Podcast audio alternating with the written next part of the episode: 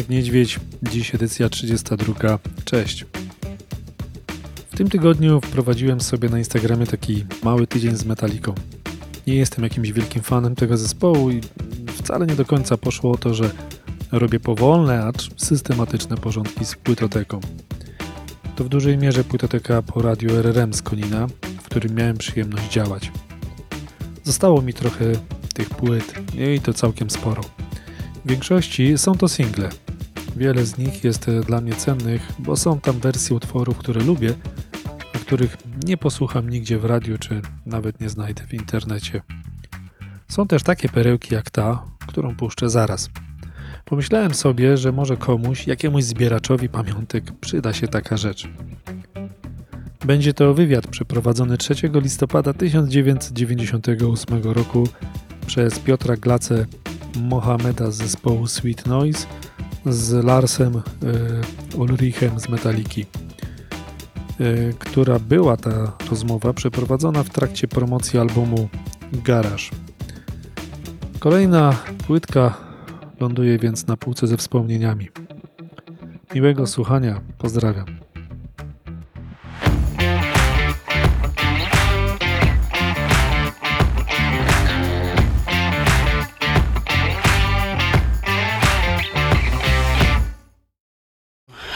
My name is Peter Mohammed from Sweet Noise, and I'm talking to Lars Ulrich from Metallica.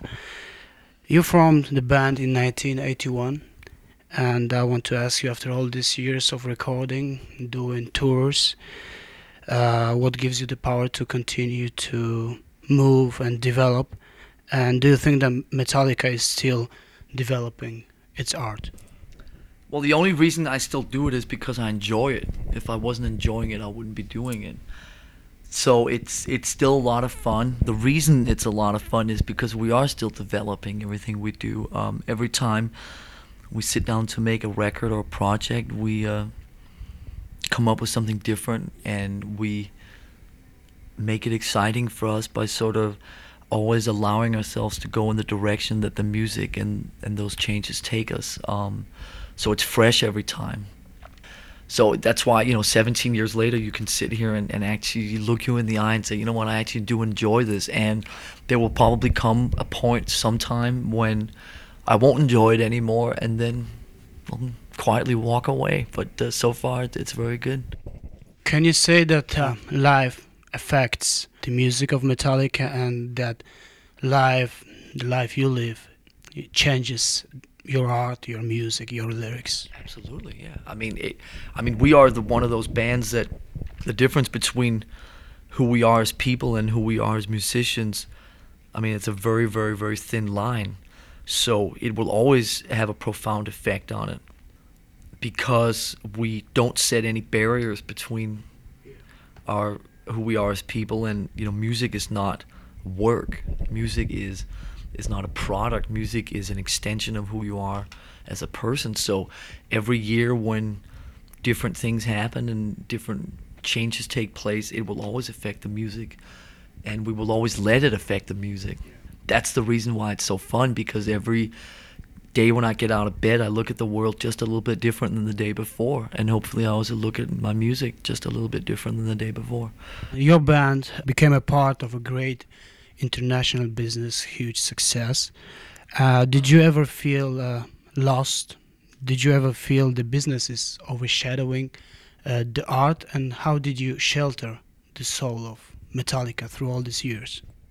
I don't think it ever became to the point where it, it overshadowed what we were doing. Um, I think that we have a good ability to separate the two. I think if you pretend that at the level we're at that the business is not a part of it. You're just stupid and you should respect it and deal with it to the best of your ability. The main thing for us i think is that we've always been able to keep business decisions and creative decisions apart from each other. And i think that um, when you do that then it's okay to deal with the business side as a business as long as the business doesn't affect what you do creatively. As long as the music and everything like that is pure and real and honest, then I used to always believe that it's okay to sort of then deal with the business aspects of it. And, and the team we have around us is within the music business i mean i'm telling you they are as, as about as good as you can get. And we are in total control of what we do with the people who work with us. And you know people should always know that. And um, people should never blame anybody else than metallica for things they don't like you know like you know, we get Bob Rock to make records, and people sit there and go, you know, Bob Rock fucked Metallica up or whatever. I mean, Bob Rock only fucked Metallica up if that's the way you look at it because we wanted him to. Do you know what I mean? So it's like you always blame me, blame us at the end of the day. So, but because we are so in control, but I do believe that we have the ability to separate the two, probably as good as anybody, or better than anybody.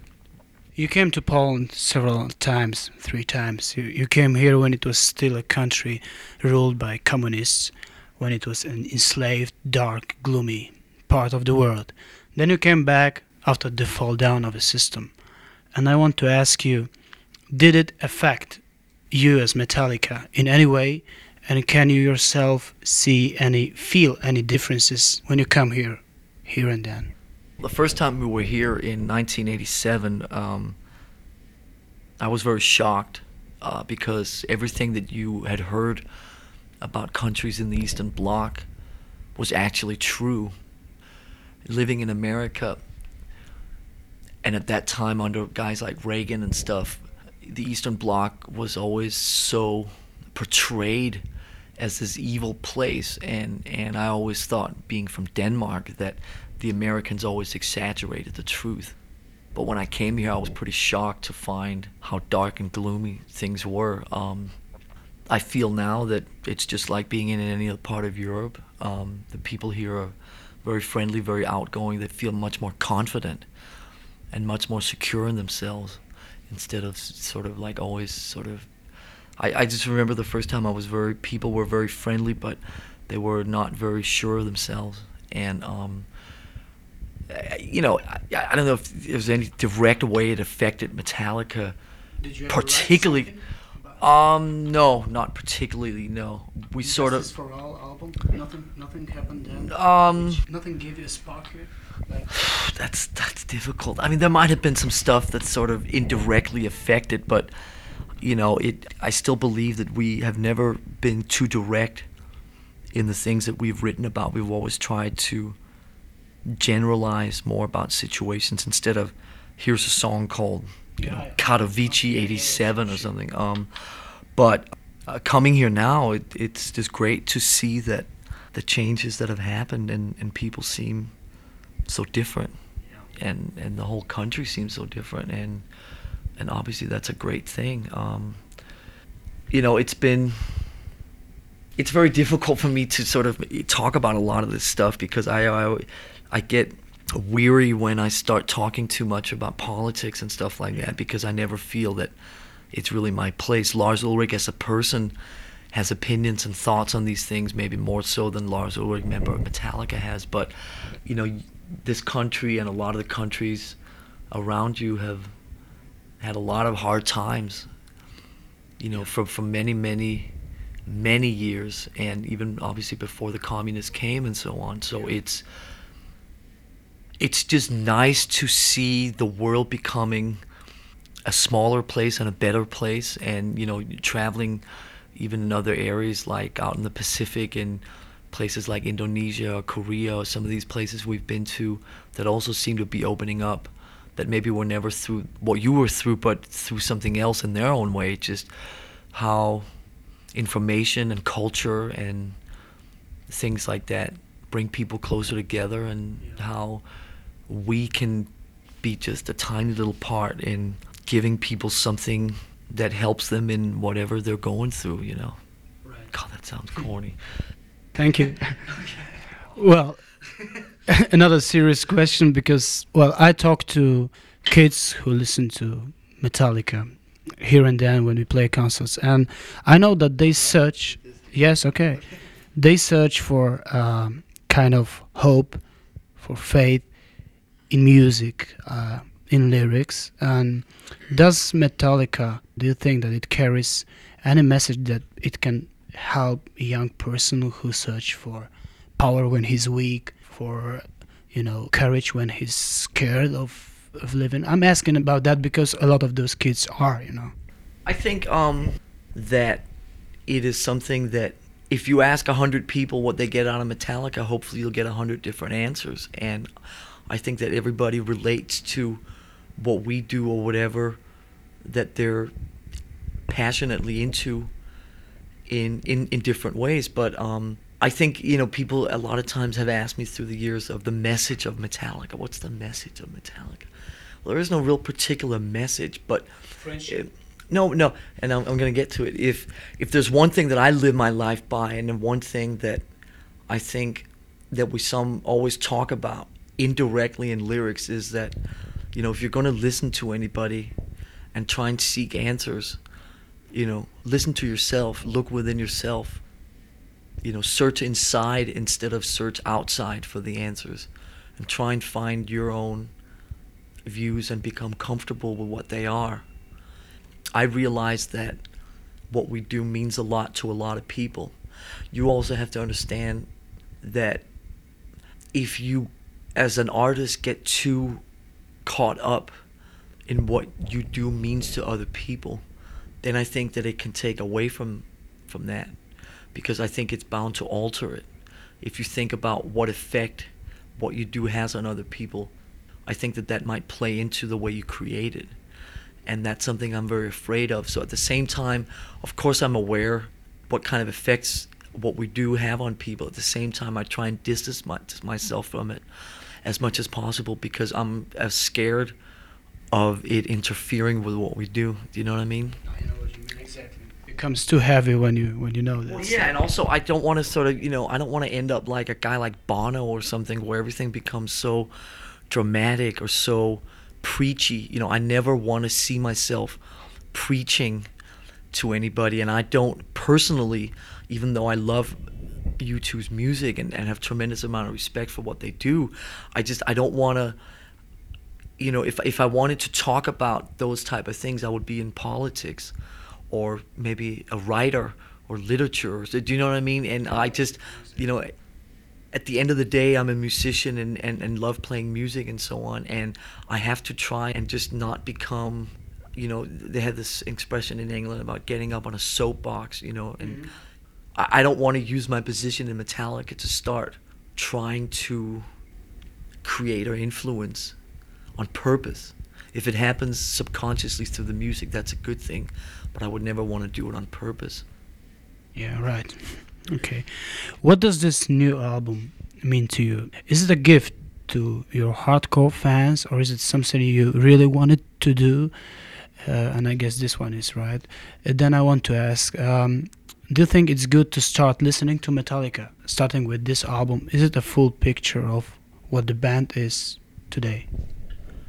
That's a good question. I you have to look at it. This is how I look at it. You cover songs and other people's material has been a part of Metallica since we started. We actually started life as a cover band, have always enjoyed playing other people's music. We're very comfortable with it, and it's a part of who we are. Every few years, we have to revisit that side of us because making our own records and writing our own songs is such a draining and such a time consuming thing that every so often we have to do this for ourselves to just have a different approach to music. I don't know if, if you know if you've never heard Metallica before, if you listen I, I think that what we do, for better or worse, is that um, we take other people's songs and we make them our own.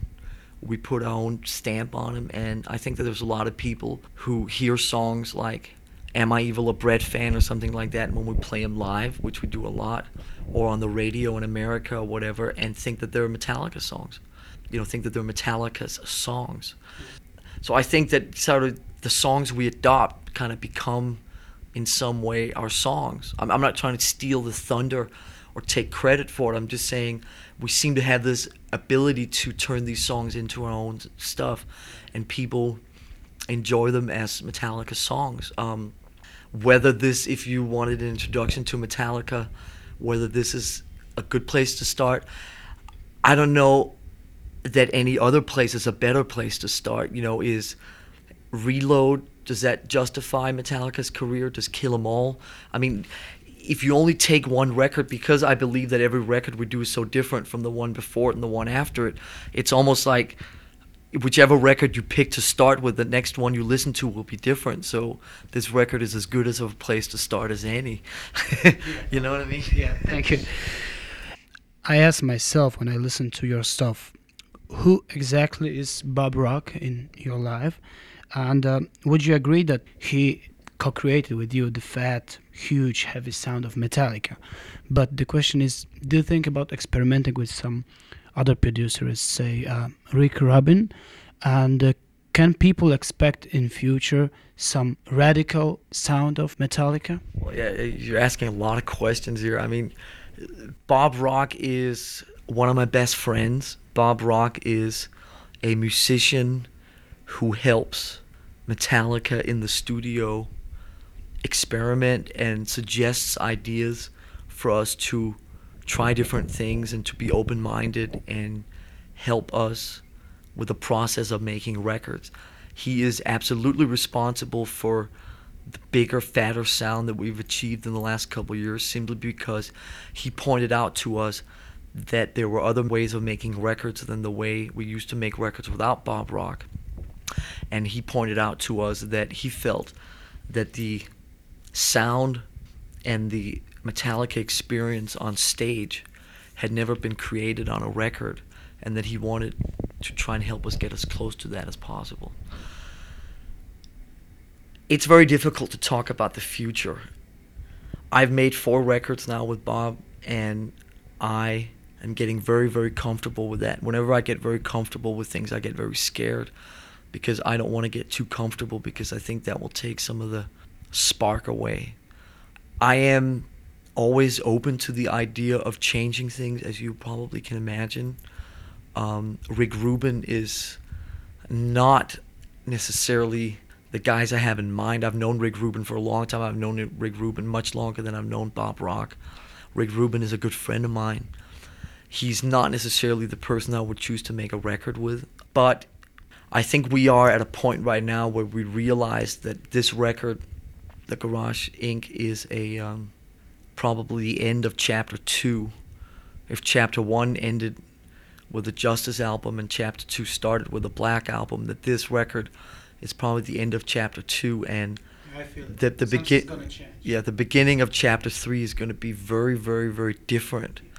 What? I've no idea, but something needs to just happen once again, not for any other reason that I, we've made three or four records now the very same way in the same studio with the same people, and I I always draw great inspiration from U2, the way they sort of went to Berlin in 1991 or whatever and sort of completely reinvented themselves. And I would like to do something next time around that radically shakes up the process again whether or not that includes working with somebody else than Bob or just working with Bob in a completely different situation.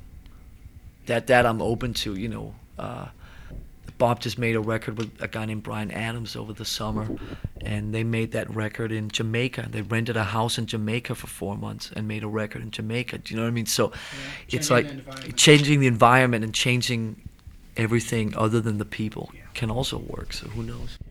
Well, as as I look at your career, which is amazing, I put it like that: like the dream of a kid who fell in love with new wave of British heavy metal came true.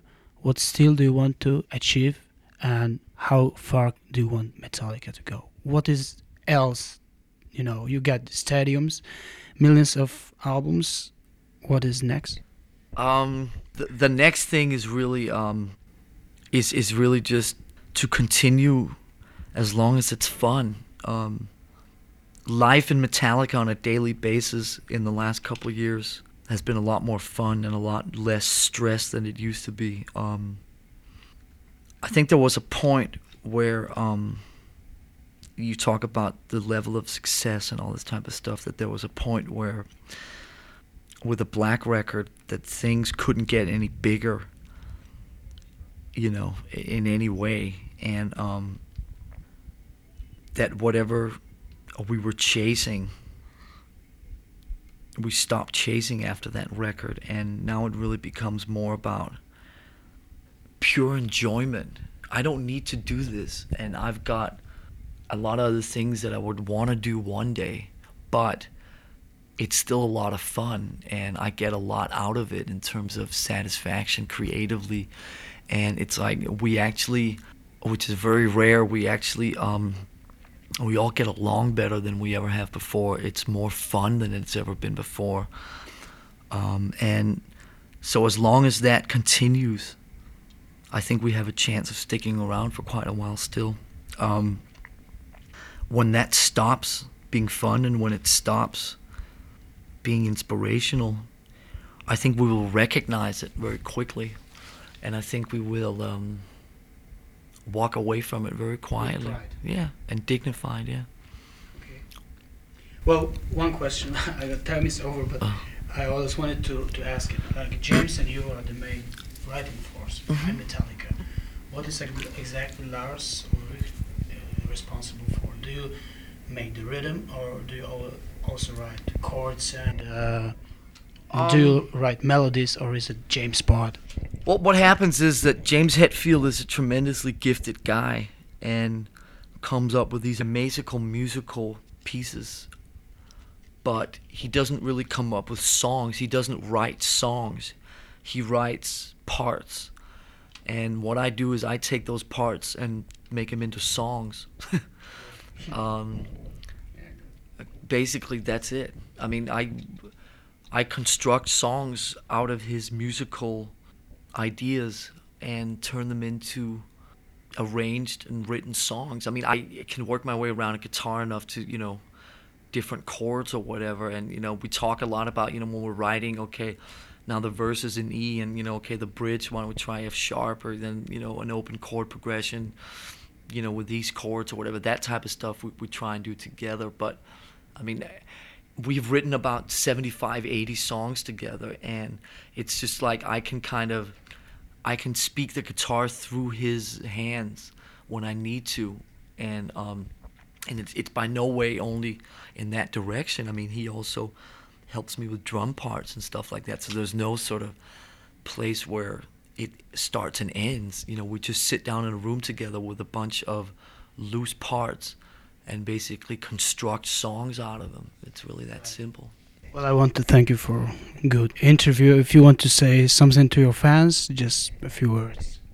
Yeah, I. It's just really nice to be back here. It's nice to. Uh, everybody talks about how Poland is basically the fastest growing area for rock music anywhere in the world, for hard rock music, and that's nice.